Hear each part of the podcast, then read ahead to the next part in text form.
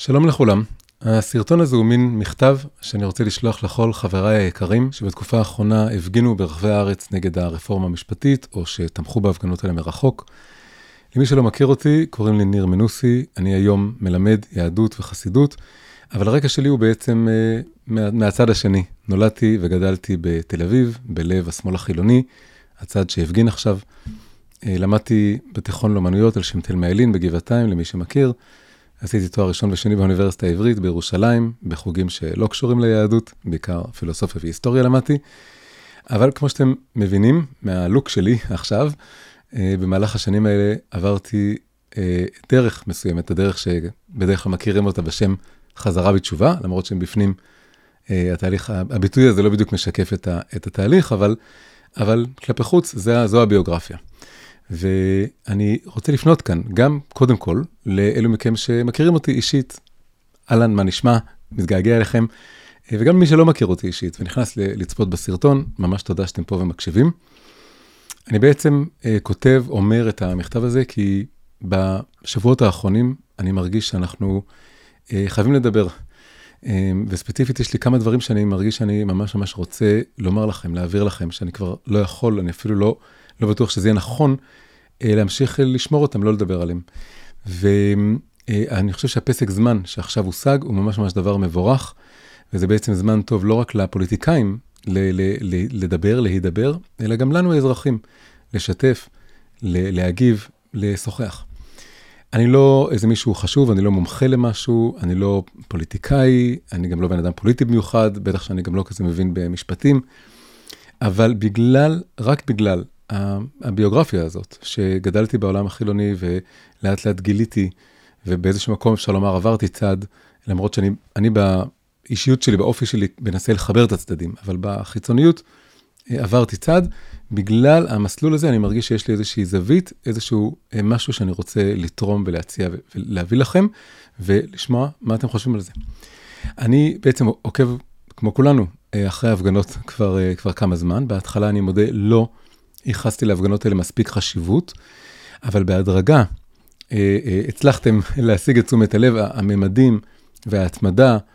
והעוצמה של הרגש והכעס אה, והפחד והתקווה אה, שהיו בכל הדברים האלה, זה שכנע אותי שיש כאן משהו אה, אמיתי וכואב שמתפרץ לפני השטח. גם רגשות, גם השקפה, תמונת עולם. הטריגר, אפשר לומר, למה שאני עושה עכשיו, זה שלפני כמה ימים כתבתי איזשהו פוסט קצר די כלאחר יד על, על היבט אחד מסוים של ההפגנות, על, ה, על ה, על ההפגנות שחיכו או פעלו בהשראת הסדרה סיפורה של שפחה. הפוסט הזה די התפוצץ ונהיה ויראלי, לפחות יחסית לקנה מידה שאני רגיל. אבל הדבר הכי הכי משמעותי מבחינתי, היו שם התגובות. וכולל מכמה וכמה חברים שלי מהתיכון, אנשים שאני מכיר אישית, מכיר טוב, אוהב אותם. והיו שם המון דברים שעלו בתגובות האלה, שממש נגעו בי. הם אה, דברים שלא שמעתי הרבה זמן. אה, חלק, כמה דברים שלא שמעתי אף פעם, ושבעצם מאוד מאוד עוררו אותי להיזכר ולהבין ולהפנים עד הסוף כמה עדיין הפערים נורא גדולים בין העולם החילוני לעולם הדתי, וכמה עבודה אנחנו צריכים לעשות כדי לנסות לגשר מעל הפערים האלה. אמ, עכשיו, אה, רק כדי למקד אותנו על מה בעצם אני רוצה לדבר, אני חושב שבכל מה שקרה בתקופה האחרונה, היו כאן בעצם שני מחל... שתי מחלוקות. שתי נקודות מחלוקת, ו- וצריך להבדיל ביניהם. נושא אחד הוא, הוא ממוקד, הוא ספציפי, אה, אני עכשיו מקווים שהולכים לפתור אותו, זה הנושא המשפטי, הנושא של הרפורמה המשפטית, מה בדיוק המעמד של בג"ץ, מה היחס בין הרשויות, ו- וזה נושא בפני עצמו, וצריך להבין אותו וללמוד אותו, אני חושב שזה חשוב, אני אומר קודם כל מהזווית שלי, מהזווית שלכם, ללמוד טוב מה כתוב לך ברפורמה, מה, אה, מה אומרים אנשים שמקדמים אותה, מה אומרים המבקרים שלה. אבל זה לא הנושא שאני רוצה לדבר עליו, כי הוא לא בעיניי הנושא המהותי והעמוק. בעומק, אה, ככה אני חווה ומרגיש, ההפגנות והעוצמות והמלחמה וה, והרגש שעלה, זה נוגע באיזשהו קונפליקט הרבה יותר עמוק, וזה, נקרא, אפשר לקרוא לזה מלחמת הזהות. גם הזהות של המדינה, וגם הזהות של הזרמים והפלגים בעם, ו, ובעצם בעומק השאלה היא, מה ועד כמה צריך להיות המקום של היהדות במובן הדתי, ההלכתי, אה, אה, איזה מקום צריך להיות לה בעיצוב החברה הישראלית, הציבוריות הישראלית, כמה בכלל היא צריכה לשחק משחק. ויש פה עולם אחד שמאוד מאוד היהדות חשובה לו ויקרה לו, עוד פעם, יהדות לא כאיזה זהות לאומית רק של אני, אני יהודי, אלא העולם של התורה וההלכה וכל זה. ומצד שני, אנשים שאומרים, אוי ואבוי, זה נורא ואיום, זה מסוכן, זה מפחיד, זה יהרוס את המדינה. ואני רוצה להתמקד בסיפור הזה, בסיפור העומק הזה. וגם כאן אני לא רוצה לחוג סביב אה, איזו התבטאות כזו או אחרת של אה, סמוטריץ' או של בן גביר, או של אה, איזה חוק מעצבן כזה או אחר שעושים, או, או אולי לא מעצבן, לא יודע, אני לא רוצה להיכנס לזה. אני, בעיקר מה שאני רוצה לדבר עליו, ומה שעלה מהתגובות שראיתי, זה עצם הפער עמוק, ב, לא רק באורח החיים וההשקפה, אלא גם בכל צורת ההסתכלות על המציאות. החל ממה מקורות ההאזנה והידע, מאיזה ערוצי תקשורת ניזונים, מאיזה משאבים תרבותיים יונקים, מה המסרים שמקבלים משני העולמות האלה, ו, אה, והתמונות עולם שהן יוצרות. זה בעצם פער שהולך וגדל כבר אה, אה, משהו כמו 200 שנה. בעצם מאז היה, אפשר להגיד שהיה איזה מין מפת גדול, מפת גדול היה תנועת ההשכלה, ששברה מהיהדות המסורתית ובעצם הולידה את החילוניות. ומאז המפץ הגדול הזה, יש פה איזה מין שתי גלקסיות שהולכות ומתרחקות, ולאט לאט הופכות למין שני יקומים מקבילים. ומה שאני רוצה ב, ב, ב, בעצם בדקות הקרובות, זה טיפה לשתף אתכם בכמה מהתובנות שהיו לי, שהפתיעו אותי, שהיו לי אה, אה, חידו, הפתעה גדולה לגלות לגבי היהדות מהמקום שאני באתי ממנו, וטיפה גם להמחיש לכם איך הגעתי מנקודה א' לנקודה ב'. לפעמים כשרואים אה, אה, מין תמונות כאלה שלפני ואחרי, זה נראה שיש איזה תהום ביניהם, כאילו האדם קפץ מה, מהיקום אחד ליקום המקביל, ולכן יש כל מיני ביטויים קלש, קלישאתיים כאלה שהוא נסרט או התפלפ או פגע בו ברק, כי אחרת אי אפשר להסביר את זה. ו... אבל אפשר להסביר את זה, רק צריך להכיר את, את התחנות ביניים. יש תגליות ויש תובנות ויש אה, כל מיני תהליכים שעוברים. אז גם אני רוצה טיפה לשתף אתכם בזה, אבל בעיקר אני רוצה אה, להציע כאן איזשהו אה, אה, דרך הסתכלות, בעצם לשתף אתכם בכמה דברים שאני לא ידעתי על היהדות, על הדת, על התורה, ו, אה, ושתכירו את זה, ושתשקללו את זה בתוך המשוואה שלכם, בתוך תמונת העולם שלכם, שזה לא יהיה הגלקסיות הנפרדות האלה. ואני, חשוב לי מאוד להגיד, אני לא רוצה לספר את זה, כי אני רוצה אה, לדחוף אתכם למסלול הזה, אני לא בא להחזיר בתשובה, אני לא מאמין בהחזרה בתשובה, אני רק מאמין בחזרה בתשובה, שזה כלומר מבחינה, מבחירה חופשית. אנחנו לא ספרים שאפשר להחזיר לספרייה, אנחנו, אפשר להגיד, אנחנו הסופרים בעצמנו, אנחנו הסופרים של חיינו, והעת היא, היא רק ביד שלנו. אנחנו מקבלים, יש כל מיני דברים שמשפיעים עלינו, יש דברים ש... רגעים של השראה, רגעים של...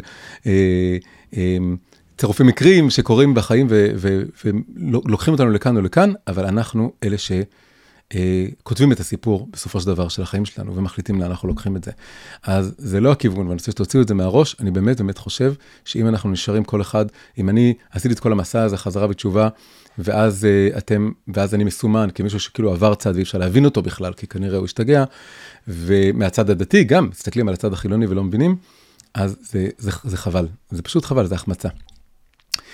אז כמו שאמרתי, אז אני רוצה עכשיו אה, אה, ל, ל, להתמקד בעצם באיזה שלושה או ארבעה דברים שאני חושב שהם אה, ממש, אה, חשוב להכיר אותם בקיצור. אה, והקדמה האחרונה האחרונה, אם אתם מרגישים שמשהו מהדברים שאני אומר כאן הוא כבר, אתם יודעים אותו, מובן מאליו עבורכם, אין בעיה. אה, אתם יכולים לדלג, אתם יכולים להאיץ אותי, אתם יכולים אה, לעבור לסרטון אחר. אבל אני מצידי רוצה להגיד את הדברים האלה. אז אה, נצא לדרך. הנושא הראשון הוא אה, לאו דווקא קשור ליהדות, אבל הוא כן קשור למשהו מאוד עמוק שנוגע בפער בין, נקרא לזה, תמונת העולם המודרנית החילונית, לבין אה, תמונת עולם בכלל דתית ורוחנית, לאו דווקא יהודית. אני רוצה לדבר על, על מושג שנקרא רגש דתי. חלק מאוד מהותי בלתי נפרד מההוויה האנושית, אני חושב שלא נתווכח על זה, הוא, הוא, הוא, נקרא לזה הפן הדתי בנפש האדם. העולם הוא פלאי, העולם הוא מסתורי, העולם הוא חידתי.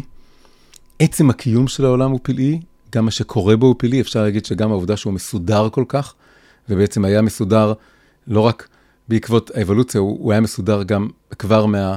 מה במפץ הגדול הוא היה מסודר. זה משהו שהוא מעורר פליאה והשתאות, ואפשר להגיד שגם האי סדר בו, האי סדר שבעולם, הוא, הוא, זה העובדה שהעולם הוא לא מובן, והוא דברים לא צפויים ולא מובנים קורים. כל הדברים האלה הם, הם אה, יוצרים איזה מין, נקרא לזה גודש, איזה שפיעה של איזה רגש דתי בתוך הנפש. עכשיו, אפשר להסביר את זה בכל מיני צורות. אני בשעתו התחברתי להסבר של פרויד, ההסבר של פרויד זה שזה הכל געגועים לרחם. זה כל הסיפור, כל הרגש הדתי, הוא קרא לו הרגש האוקיאני, שכאילו להתחבר לאיזה אוקיינוס, זה הכל בעצם געגועים ל, לרחם. אני חושב שזה לא מספיק אה, כן, זה לא מספיק רציני, זה רדוקציה. ורדוקציה היא דרך אחת להסביר את המציאות, ואפשר ללכת על זה. זה, זה, זה אומר באמת לקחת את כל הדברים הכי גבוהים ונעלים ולהוריד אותם לדברים הנמוכים. אבל אפשר גם אה, להקשיב ולהתבונן בעובדה שיש כאן משהו שהוא חלק מהטבע האנושי, מהמין האנושי, מה, מההוויה האנושית, ושאי אפשר להתעלם ממנו לגמרי, ואם מדחיקים אותו, יכול להתפרץ בכל מיני צורות שהן לאו דווקא יותר טובות מהצורות המוכרות. ואפשר להגיד שהרבה מהאידיאולוגיות הגדולות של המאה ה-20, אה, הקומוניזם, הנאציזם, הפשיזם, אה, זה אה, אה, מין התפרצות אחרת של אותו רגש דתי, שאותן אידיאולוגיות מאוד מאוד ניסו להתכחש אליהן, היו כולן מאוד מאוד חילוניות. וגם יכול להיות שבאידיאולוגיה לכאורה לא כזאת אה, גדולה וטוטאלית, אה, שזה בעצם, שהיא באה להיות כתופת נגד, אה, כתרופת נגד מול כל הדברים האלה, ליברליזם, גם שם הרגש הדתי הזה יכול להתפרץ בזהות לאומית פתאום, או שבטית, או בזהות מפלגתית, או בפתאום סגידה לרעיונות כמו חופש או מימוש עצמי, שזה בעצם ניתוב של רגש דתי כזה. אז כל מה שאני מנסה להגיד זה ש... יש משהו, אני מרגיש, בעידן המודרני, בתפיסה המודרנית, שלא מספיק נותן מקום לרגש הזה. ו, ואני עוד, עוד פעם, לפני שעוד שופטים את זה, ולפני שבדיוק מבינים מה כן לעשות עם זה, אני חושב שזה דבר שצריך להגיד אותו, יש, אנחנו חיים בעולם מאוד מאוד, אה, עם הרבה טכנולוגיה, עם הרבה מחשבים, עם הרבה צרכנות, עם הרבה חומר, עם, גם עם הרבה רגש, רגש בין אישי, אנשים מתאהבים ומתאכזבים ובונים משפחות ומגדלים ילדים, וחיים חיים מלאים, אבל, אבל הם לא לגמרי מלאים, בגלל שיש איזה משהו שקיים היסטורית בכל התרבויות, בכל התקופות כמעט, ואפשר להגיד שבעצם יש רק אה, תרבות אחת שהיא לא בדיוק יודעת איך להתייחס אליו ולא, ולא נוגעת בו כמעט, וזה בעצם התרבות המערבית החילונית המודרנית. מי שדיבר על זה הרבה מאוד היה למשל כמובן אה, פסיכולוג יונג, שמאוד דיבר על זה ש... הרגש הדתי לא הלך לשום מקום, והוא דיבר על שהאדם המודרני מחפש בעצם את הנשמה שלו, גם אם הוא לא משתמש כמעט במילה נשמה, כי היא מילה כבר שנהייתה קצת אה, אה, מוקצה מחמת מיאוס. אה, היום יש פסיכולוג יונגיאני אחר, שגם מדבר על זה הרבה מאוד, קוראים לו ג'ורדן פיטרסון, שאני מניח שחלק מכירים, ולדעתי כדאי להכיר, מעניין לשמוע אותו, גם לא מסכימים על כל דבר, גם אני לא מסכים על כל דבר. ואז, אז, אה, מה שאני מנסה להגיד בזה, זה שזה לאו דווקא יהדות, וגם אצלי אגב, באופן אישי, כשאני פתאום התעוררתי להבין שיש את הצד הזה במציאות ואי אפשר להתעלם ממנו, אז לא הלכתי מיד ליהדות. היה לי תקופה של איזה שנה, משהו כזה, שזה היה רק חיפשתי במחוזות ה-New Age ובכל מיני דברים אחרים, אבל יש פה, צריך, ל, ל, ל, כשמסתכלים על שני המחנות בארץ, ועל מה שקורה, כל הדרמה היהודית-ישראלית הזאת, חייבים להתייחס לעובדה שמול תמונת עולם מאוד מאוד מודרנית, רציונלית, מדעית, אה, עם, עוד פעם, עולם ומלואו של ערכים ו- ו- ו- ודפוסי חיים והתייחסות להמון המון דברים שאולי הדת מזניחה, אה, יש מהצד השני איזושהי ציוויליזציה ארוכת שנים, בת אלפי שנים, שזה היהדות, עם שבלב שלה יש לה איזה מין מנגנון ויסות לרגש הזה. יכול להיות ש... מאוד יכול להיות שהרבה, יכול להיות שרוב הדתיים שאתם מכירים לא נראים לכם טיפוסים רוחניים במיוחד, וזה זה, זה בסדר, זה אפשר לדבר על זה גם. אבל היהדות עצמה כתמונת עולם כדת, היא נותנת איזשהו מענה לדבר איך שלא יהיה חייבים לתת לו איזשהו מענה. אני חושב שהרבה אנשים היום כן מחפשים את זה, מחפשים רוחניות, ו- והם לאו דווקא אולי נמשכים ליהדות ודברים אחרים, אבל זה לדעתי הנושא הראשון שצריך להעמיד אותו כאן על פני השטח. יש איזשהו אה, כתם עיוור, איזה חיסרו, איזה נקודת התעלמות בעולם המודרני החילוני מהדבר הזה, ולכן הוא חייב, בחלק מהאיזונים של העולם, הוא חייב לעלות בצורה מאוד מאוד חזקה מהצד השני. ככל שיהיה יותר התייחסות אליו, אז יהיה איזו התקרבות כאן. אני חושב, זו הייתה לפחות התגלית האישית שלי, כשאני פתאום קלטתי שאין לי בארגז הכלים המודרני-חילוני שלי, יכולת להתייחס אל כל הנושא המטאפיזי, הטרנסצנדנטי, המעבר, שפתאום התעורר, התעורר אצלי, כמו שמתעורר אצל הרבה אנשים. אז זה הנושא הראשון. הנושא השני, פה אני כבר, כן, נכנס ליהדות עצמה. אמ, הנושא השני הוא קשור בסוג של נתק, ריחוק, ניכור, חוסר ידע שנוצר, נוצרו בצורה מאוד מאוד חזקה בעצם מאז שהתחילה תנועת ההשכלה והחילוניות, וכמו שאמרתי, הגלקסיות הלכו והתרחקו. אז ברור שכל אחד פה, קודם כל, אני אגיד, כל אחד הוא מגיע מרקע אחר, יש אנשים שבאים בתים מסורתיים, אה, שעושים קידוש, ויש בתים שפחות, יש כאלה שעשו בר מצווה, יש כאלה שלא. אני מודה, באתי ממקרה קיצון, שלא היה קידוש, לא עשיתי בר מצווה, לא היה מזוזה בבית. אה, היה אהבה לעברית, היה ציונות, אבל לא היה את הדברים האלה. אבל מאיפה שאנחנו לא מגיעים, העולם החילוני בגדול כתרבות, בוודאי מדברים על איפה שהיה מוקד של כל ההפגנות, שזה תל אביב, צריך להבין שאם מסתכלים בקנה מידה היסטורי, הייתה פה איזה מין תלישה מאוד לא אורגנית, מאוד לא טבעית, ממארג שלם, מרקם שלם של אה, טקסטים, אה, אסוציאציות, אה, שפה, הומור, מושגים, אה, ו, וזה דבר שהוא, הוא, כשתרבות מתפתחת על פני אלפי שנים, אם פתאום, אה, כמו שאמרתי, לפני 200 שנה, שזה לא הרבה, היא תולשת עצמה מדבר כזה, זה קרע שיש לו השלכות ומחירים, והוא ייצור את הפער הזה, והוא ייצור את הקצרים בתקשורת האלה. אם בן גוריון דיבר על חינוך, וזה החינוך שאני וחבריי, אנחנו קיבלנו, שמשהו קרה מהתנ"ך עד הפלמ"ח, אבל זה בעצם היה מהתנ"ך עד הפלמ"ח בלי שום דבר באמצע. זה היה ההיסטוריה של היהדות, למדנו הרבה תנ"ך, אולי אפילו, אז התלוננו שזה היה יותר מדי, אבל משם זה דילג פתאום לעידן המודרני, ובאמצע היה מין חור, לפחות לגבי היהדות, היה איזה מין שיעור תושבע כזה. אה, אבל בעצם בין לבין יש המון, יש ים של טקסטים ומנהגים, וכמו שאמרתי, אסוציאציות. ויש שם משנה ותלמוד ומדרשים ופוסקים, ויש קבלה ויש חסידות. וזה אנשים גם, זה תנאים ואמוראים וסבוראים וגאונים וראשונים ואחרונים, מילים שלא שגורות, לא מוכרות בעולם שגדלנו בו. ואפשר להגיד למי אכפת מזה, אבל לכל אחד צריך להיות אכפת מזה, כי זה ספוג בהיסטוריה שלנו, בשפה שלנו, ב, ב, כביכול אפשר לומר בגנים שלנו, כביכול ולא כביכול, אנחנו באמת באים מה, מהעם, אנחנו חלק מהעם שיצר את הדברים האלה, ושזה היה חלק ממנו.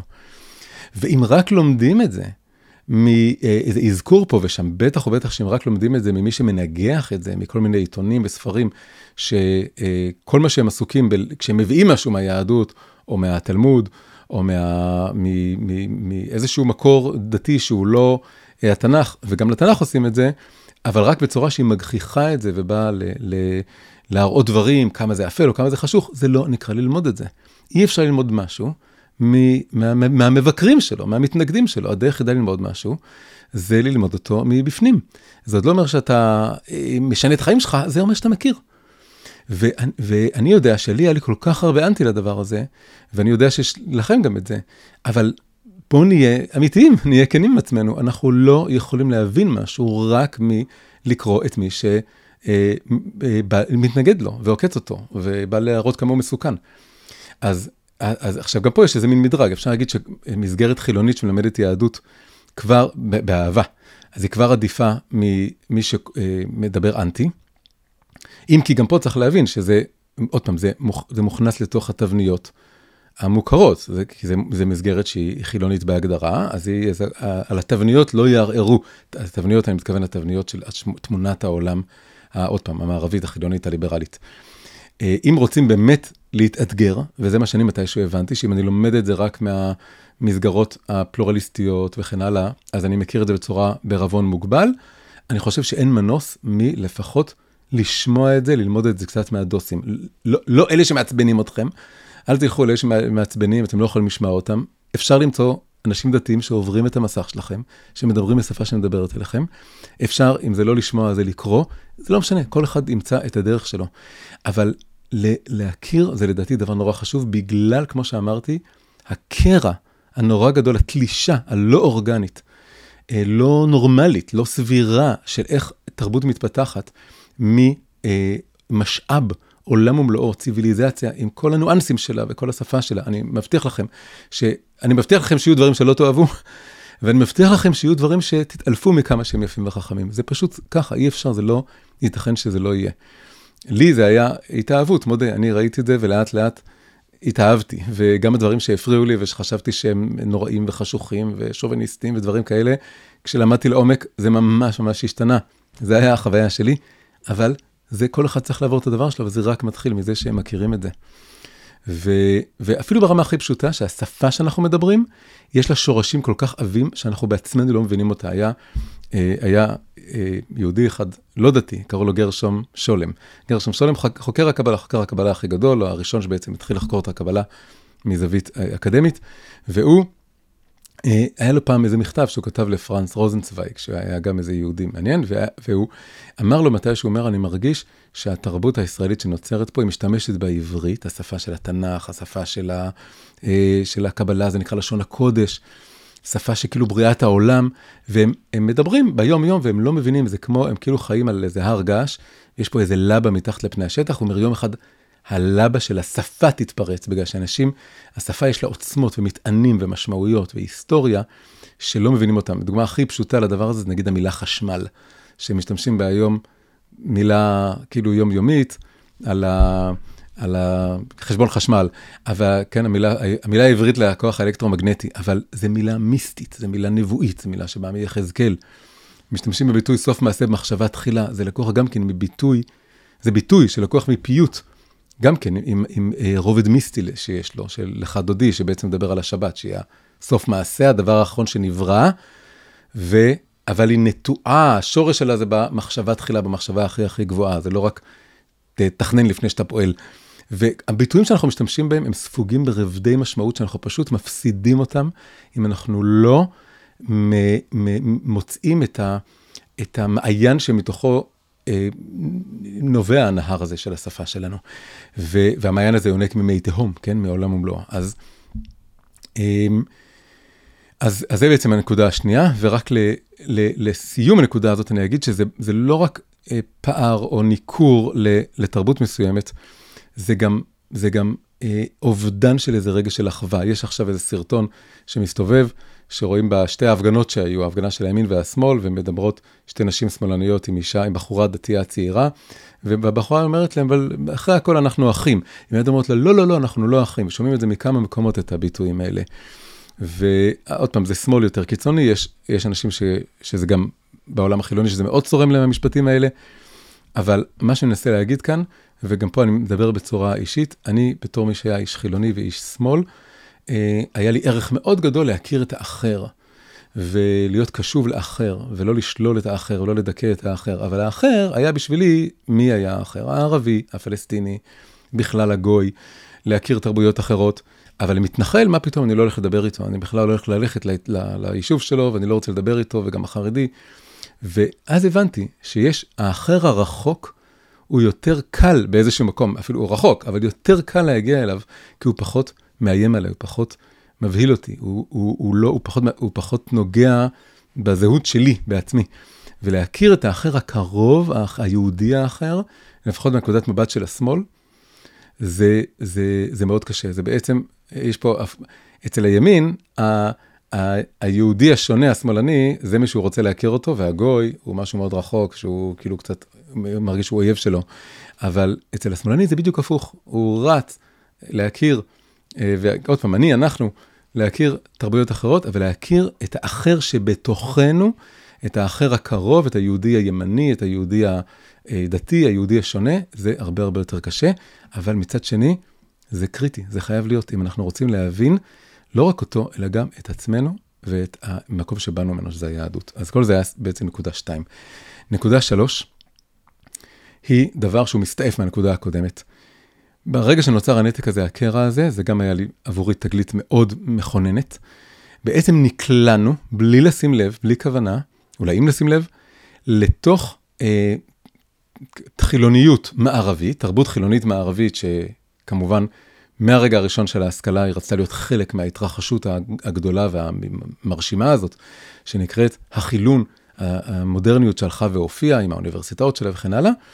אבל אחד התוצאות לוואי של הדבר הזה, זה שאנחנו פתאום נתפסנו, נלכדנו באיזה מערבולת אה, שהיא לא לגמרי שלנו, נגיד ככה, של המרד של, המער, של החילוניות המערבית בשורשים הנוצריים שלה. זה לא העבר של ה, שלנו היהודים המודרניים, זה העבר של העולם המערבי המודרני, כי הוא מגיח מתוך אלפיים שנות נצרות. והוא עסוק בלמרוד בה, ואנחנו נכנסנו לדבר הזה, וכאילו זה קצת, אה, קיבלנו מעין זיכרון מושתל כזה, שכאילו גם אנחנו מורדים בנצרות הזאת, ואז גם יוצא מין אפקט שהנצרות והיהדות הן נמהלות אחת בשנייה, מתערבבות אחת עם השנייה. ונוצר איזה סלט בראש. ו, והסלט הזה הוא לא, הוא לא, הוא לא נכון. בנצרות, יש הבדלים גדולים בין הנצרות והיהדות.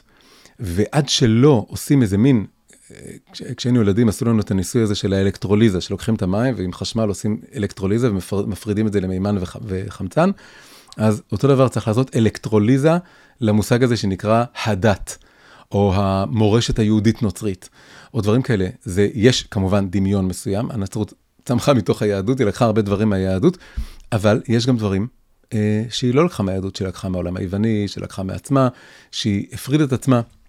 וצריך לעשות את ההפרדה הזאת. אם אנחנו אה, מאמצים בשתי ידיים את התרבות החילונית המערבית, עם כל המטענים והאנטי שלה נגד הנצרות, אז אנחנו משליכים אחורנית בצורה לא נכונה, לא ישרה, מטענים מהנצרות על היהדות, ובעצם שמים אותם באיזו כפיפה אחת שהיא לא מוצדקת. אז, אה, אז אני אתן לזה אה, כמה דוגמאות, כן? בעולם הנוצרי היה אה, שלילה מאוד מאוד חריפה, בצורה שלא הייתה ביהדות, של כל מה שקשור בעולם הזה, בעולם הפיזי, בגוף, אה, בחושים, לטובת אה, אידיאל של חיי נצח בגן עדן. ביהדות זה לא היה ככה, ביהדות האידיאל הסופי זה לא שהנשמה עוזבת את העולם הזה וחיה בגן עדן, והעיקר זה לא העולם הבא, העיקר זה שרוצים להפוך את העולם הזה למשכן, זה נקרא לדירה לקדוש ברוך הוא. האידאל השלם הסופי זה, זה נקרא תחיית המתים. תחיית המתים, אפשר להאמין, לא להאמין, אבל מה זה מסמל? זה מסמל את הרעיון שרוצים חיים בגוף, לא חיים באיזה עולם אה, מופשט של נשמות רק. אה, בנצרות היה אידאל, אידאל, זה היה השאיפה הכי גבוהה של נזירות מינית, שאומרים שמי שבאמת רוצה להתקדש ולדבוק ב, באלוקים, אז הוא צריך לפרוש ממיניות לגמרי, לא להתחתן, לא לקיים יחסים כל החיים, וזה האידאל. אה, אתה רוצה גם להתחתן, זה בסדר, אבל זה, זה second best, זה אופציה ב', אז אתה יכול לעשות את זה. אבל זה, ביהדות זה משהו אחר לגמרי, לא היה אף פעם את האידאל הזה, לא היה את הקיצוניות הזאת, של לבוא ולהגיד שהאידאל זה לפרוש ממין לגמרי, מה פתאום? יש גבולות, יש צניעות, יש אה, אה, אה, דברים שמותר ואסור. אבל הכל במסגרת שהיא נותנת מקום לגוף, ליצר, אה, למיניות, למשפחתיות, ו, וממילא גם הריאקציה העצומה שקרתה בעידן המודרני, שאומרים, אם כל כך הדחקתם ודיכאתם את המיניות שלנו, אז עכשיו אנחנו נלך לקיצוניות ההפוכה, זה לא הכרחי כשצומחים מתוך תמונת עולם יהודית שבבסיס שלה היה בה משהו יותר מאוזן.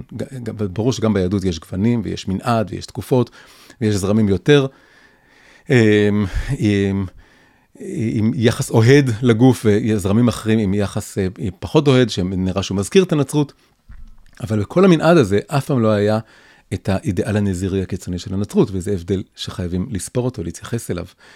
אה, עוד דוגמה, הנצרות אה, הקתולית, שזה הזרם העיקרי ורוב השנים, יש בו משהו מאוד דוגמטי, כפשוטו, יש דוגמות, המון עיקרי אמונה שאסור לכפור בהם, ואם כופרים בהם, אז סיפורים מפורסמים על גלילאו, אז אפשר לאסור אותך, או לענות אותך, או לאיים שנענה אותך, או להוציא אותך להורג.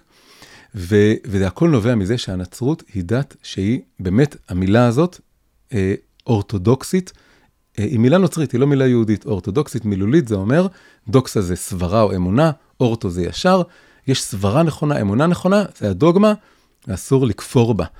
ואז אם אתה כופר בה, אז אפשר לעשות מין משטרת מחשבות כזאת, אינקוויזיציה שתבדוק אם אתה מאמין בדיוק או לא מאמין בדיוק, ואם אתה אומר איזושהי אמירה נגד הדוגמה, אז זה פשע נורא ואיום. היהדות, למרות שאומרים היום את המילה אורתודוקסי, אני נקרא יהודי אורתודוקסי, כי אני כאילו אה, דתי הלכתי, אבל המילה הזאת היא לא נכונה בכלל לגבי היהדות. היהדות היא לא דת אורתודוקסית, היא דת אורתופרקסית. אם כבר רוצים מושג אה, אקדמי כזה, אז המושג הנכון יהיה שהיהדות היא דת אורתופרקסית, שזה אומר שיש מעשה נכון, יש אוסף של מעשים, פעולות מסוימות, אנחנו צריכים לשמור מצוות, לשמור שולחן ערוך. אה, זה גם דבר שהוא אה, לא, לא ליברלי ולא כל אחד עושה מה שהוא רוצה, אבל המשמעות שלו שאנחנו מחויבים לפעולות, ואילו במישור האמונות והדעות, במישור המחשבה, במישור ההשקפה, כמה שזה יישמע לכם אולי מצחיק, היהדות היא דת מאוד מאוד פלורליסטית. היא נותנת מקום ל-70 פנים לתורה, לשלל השקפות, לפעמים מהקצה אל הקצה, הכי מפורסם זה הלל ושמאי, אבל הגמרא מלאה בזה, היהדות מלאה בזה. יש מרחב, אין כזה דבר שאם אתה, היה, לרמב"ם היה עיקרי אמונה, גם על זה התווכחו איתו, יש חכמים אחרים, עיקרי אמונה אחרים. אין איזה מערכת דוגמות מחייבת. יש כמה דברים בסיסיים, שאם אתה לא, אמונות בסיסיות שהן כמו מין כללי משחק לדבר הזה. אבל העיקר הוא המחויבות דווקא למעשים מסוימים, שהיא איזה מין הבעת רצינות או התמסרות אמיתית למשהו, אבל במישור המחשבתי הרעיוני, אה, הטראומות שיש במערב, ממשפט גלילאו, מג'ורדונו ברונו שהוציאו להורג, מכל האנשים שרדפו אותם בשל דעותיהם, זה דבר שהוא אה, נדיר מאוד. הסיפור המפורסם ביהדות זה חרם של שפינוזה, אבל באמת שהוא חריג, הוא יוצא מן הכלל, וזה לא, אה, לא הדבר העיקרי. זה לא מאפיין מהותי של, ה, של הסיפור היהודי, של החשיבה היהודית. ועוד דוגמה אחת אחרונה, זה מה שקשור במעמד האישה. אה, בעולם הנוצרי, כל הרעיון של נשים, נשיות, כל היסוד הנקבי נקרא לזה, של המציאות, של ההוויה, אה, באמת נתפס במונחים מאוד מאוד שליליים ומדכאים ופטריארכליים. היהדות היא גם לא, הפמיניזם המודרני, ברור שהיא לא יודעת בת שלושת אלפים שנה, אז אנחנו מדברים, יותר אפילו, אז אנחנו מדברים פה על, על דבר שהוא, אה, אם כל העולם היה עולם שבו היה סדר חברתי מסוים, אז גם ביהדות זה היה ככה. אבל ביהדות יש, כמו שחבר שלי אוהב להגיד, אין כזה דבר מעמד האישה ביהדות, יש מהלך האישה ביהדות. יש work in progress. והמעמד האישה ביהדות היסטורית, הוא היה שונה ויותר טוב מאשר בנצרות, ובכלל היחס למה שנקרא נשיות והיסוד הנשי, גם בשפה הקבלית המיסטית, היחס הוא הרבה יותר חיובי ואוהד, והדבר, שזה ספציפית נושא שאני ממש חקרתי ומעמיק בו, וכתבתי עליו הרבה מאוד, זה שבכתבי הארי, שזה המקובל הכי גדול של המאה ה-16, אה, יש נושא שלם מאוד גדול, ש, שנקרא עליית הנשיות. הוא מדבר על זה שהפן הנשי של המציאות נמצא בעלייה מתמדת הדרגתית לאורך ההיסטוריה, עד למצב שמגיעים לשווים בקומתם, שהם לאט לאט מגיעים לשוויון מלא, ולאישה, לצד הנשי, יש אה, אה, השראה רוחנית, הערה רוחנית ישירה מלמעלה, לא רק בתיווך הזכר, הוא ממש כותב את זה בצורה מפורשת, וככה הם נהיים שווים לגמרי, ומשתמשים בכתר אחד, זה הביטוי שהוא משתמש בו. וזה נושא שלם שאומנם אה, אה, גם רוב האנשים הדתיים לא מכירים אותו, אבל הוא קיים. אני עסוק מאוד בלנסות להפיץ אותו ושיכירו את הדבר הזה, כדי שיבינו שפמיניזם זה לא רק איזה מין אה, תנועה מערבית, זה תהליך אלוקי, היסטורי, מושגח, שהיהדות דיברה עליו, לא רק כאפולוגטיקה, כתגובה אפולוגטית לפמיניזם, אלא דבר שקיים. זה דבר שלא קיים בעולם הנוצרי, בצורה שאפילו קרובה לזה. אז אז זה בעצם הנקודה השלישית, שאנחנו, נוצר לנו מין אה, סלט דייסה בראש של יהדות ונצרות, בגלל שהצטרפנו לחילוניות מערבית שמאוד מורדת בנצרות ושוללת אותה, ובמידה רבה בצדק, אבל יש לנו אה, היסטוריה דתית אחרת, שאפשר להנביע, להצמיח מתוכה איזו מודרניות אחרת, שאולי יותר מאוזנת, ואולי לא צריכה כל כך למרוד ולזרוק את זה, אבל עוד פעם, זה מאוד נושא לבחירה אישית וללימוד האישי ולמסקנה של כל אחד מכם. אה, הנושא הרביעי והאחרון, אה, זה אולי בעצם הנושא הכי גדול, ואני אדבר עליו הכי בקצרה, כי זה כבר נהיה ארוך, זה על פני השטח נוצר שבר גדול בין תמונת עולם דתית לעולם אה, ליברלי, חילוני, רציונלי, שוויוני. והדברים האלה לא הולכים, ב, ב, ב, לא עולים בקנה אחד. עכשיו באמת יש, ברור שיש כאן סתירות ופערים, אם לא היה סתירות ופערים, אז אה, הכל היה, היה שלום על ישראל, היינו כולנו באותו מחנה. אבל יש פה, אה, החוויה שלי זה שלא צריך לחשוב על זה, אפשר לחשוב על זה בעוד צורה, וזה שזה לא מלחמה אלא השלמה. מנקודת מבט אמונית דתית, השפע הזה של ידע ורגישות אנושית וחברתית ומין התבגרות תרבותית שהעידן המודרני והחילוניות מביאים לשולחן, מציפים, אה, ממחישים ככה בהיסטוריה סביב כולנו, זה גם תהליך אלוקי, תהליך מושגח. הקדוש ברוך הוא מדבר אלינו, מתגלה אלינו, גם, נקרא לזה מלמעלה למטה, דרך ערוץ דתי, של כתבי קודש, של רעיונות ונבואה ומסורת, וגם מלמטה למעלה, דרך דברים שעולים פשוט מה, מהתבונה האנושית, מהחקירה האנושית ומההבשלה של החברה והתרבות. והדברים האלה יכולים וצריכים להתחבר, זה לא, אנחנו לא אויבים, יש משהו מאוד גדול לקבל משני הדברים האלה, ואפשר וצריך לחבר אותם. ואני אוסיף לזה יותר מזה, בתוך העולם היהודי, יש, במה שנקרא בתורה, יש רובד נגלה, ויש רובד נסתר, רובד נסתר שנקרא גם, נקרא פנימיות התורה, זה הקבלה והחסידות. זה, שם רואים המון הד לערכים המערביים, המודרניים, החילוניים, הליברליים.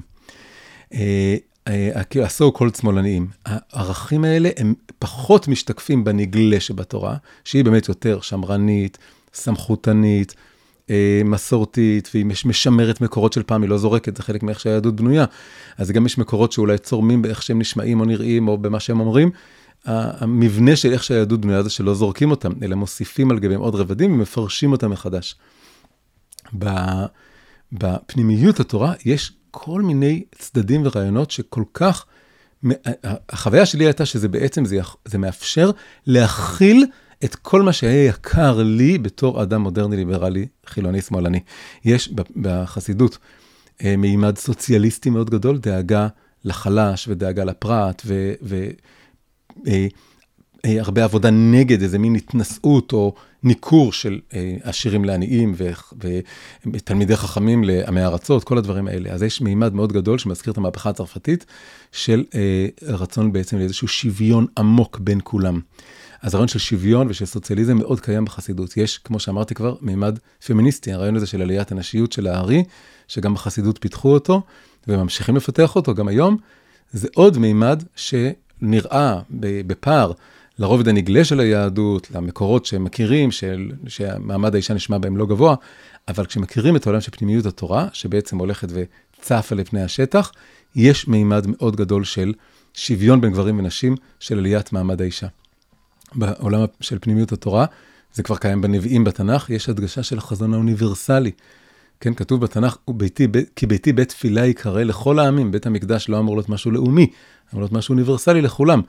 אבל בעולם של פנימיות התורה, גם זה מקבל הד, החזון הזה, השאיפה הזה, החלום הזה, להחיות אותו, שיהיה פה משהו שעם אה, אה, איזו מתנה אוניברסלית, מה שנקרא אור לגויים, אבל באמת לקחת את זה ברצינות, וגם לקבל מהעמים האחרים את החוכמות והידע והאמת שלהם, ליצור איזו הפריה הדדית עמוקה בין היהדות לבין תרבויות וחוכמות אחרות.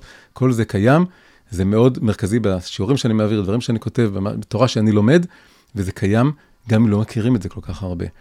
אה, בחסידות יש מקום לספק ולספקנות, גם נושא שאני עוסק בו הרבה, שלא אה, אה, רק אמונה וידע וודאות, המקום הזה שהוא מפקפק והוא לא בטוח, והוא, והוא שבור, והוא חלש, והוא, ו, וגם מטיל ספק, מטיל ספק, ספקנות. הדברים האלה קיימים כשעוברים לרבדים היותר עמוקים של התורה ושל היהדות. יש מקום אה, לאינדיבידואל ולחופש היצירתי של האינדיבידואל ולדחף המהפכני ולא רק השמרני, ומקום לרגש ולחוויה ולגוף, לא רק למין תודעה שכלית כזאת ש, שפועלת מתוך ציווי, מתוך הוראה מלמעלה. כל האיכויות האלה שבעצם מאוד מאפיינות את העולם המודרני ואת האומנות המודרנית ואת המדע המודרני, כן, הספקנות, היצירתיות, המהפכנות, כל הדברים האלה קיימים ביהדות, רק צריך יותר להוציא אותם לפני השטח, הם פחות מוכרים. זה נכון, הם גם פחות מוכרים בעולם הדתי. אבל אני אספר לכם משהו, בזה אני אסיים, שאחד הדברים שהתחלתי להתקרב ליהדות, אז המון דברים הפריעו לי, המון דברים היו חסרים לי. היה חסר לי באמת אמ, יחס לנשים אה, בחלק מהמקומות, היה חסר לי אמ, זה שאין מספיק רגישות אסתטית, אומנותית, שאני באתי מעולם של אומנות, זה היה מאוד חסר לי. היה חסר לי יותר רגישות אנושית לאנשים שונים. מהעולם החילוני, כל מיני דברים כאלה. ומתישהו אמרו לי, תשמע, כל מה שחסר לך ביהדות, תשלים את זה בעצמך. תבוא אתה, מה שאומרים, תהיה השינוי שאתה רוצה לראות בעולם, חסר לך דברים ביהדות, תביא אותם, תשלים אותם. זה, אז זה מתחיל מלהכיר ולהיות חלק, להיות מחובר. ואם, ואם מכירים ולומדים ומתחברים חזרה לשורשים האלה, זה בעצם מין שורשים ש... זה מין גזע שנגדע. וצריך קודם כל להתחבר מחדש לשורשים, הוא יכול לצמוח מחדש, אז אפשר גם להביא, לא רק אפשר, צריך להביא. כי שני החלקים של העם, שני המחנות כאן, זה לא סתם. זה אחד הוא ב, ב, ב, על פני השטח ברמה השטחית, אחד הוא כאילו חי את היהדות המסורתית, ממשיך אותה, והשני אומר, לא, אני לא רוצה, אני רוצה עולם מודרני, מערבי. אבל בעומק, הקולות שהם משמיעים, נקודות המבט שלהם, הערכים שאכפת להם מהם, שהם רוצים הכי להדגיש אותם, הם נורא נורא משלימים. הם, הם, היהדות השלמה, היהדות העתיד נקרא לזה, היהדות העתידית, היא בנויה מכל האנשים האלה ביחד, שיתחברו וכל אחד יביא את הדברים שאכפת לו, והיהדות עצמה תתפתח ותתעשר מזה. אמ, בצורה שהיא לא יכולה לבד. הדתיים לא יכולים לבד לעשות את זה. חייבים את, ה, את השילוב הזה. אז אה, זהו, עד כאן. זה היה המונולוג שלי, המכתב שלי, הפנייה שלי אליכם, דברים שעלו לי מתוך התגובות שקיבלתי וראיתי והזכירו לי את הפערים. אני ממש ממש אה, אשמח אם, אה, קודם כל, אם אהבתם את הסרטון, תעשו לייק. הדבר השני, אני אשמח לתגובות. יש פה תגובות למטה ביוטיוב, בבקשה, אה, תכתבו מה שעולה לכם, מה שאתם חושבים. אתם חולקים עליי, אתם מסכימים איתי, אתם רוצים להגיד דברים שלא אמרתי, שחסר לכם, אתם רוצים ל- לשאול דברים, אני מאוד מאוד אשמח לכל מה שאתם רוצים, כל מה שתרצו להוסיף. תודה רבה. ונהיה בקשר.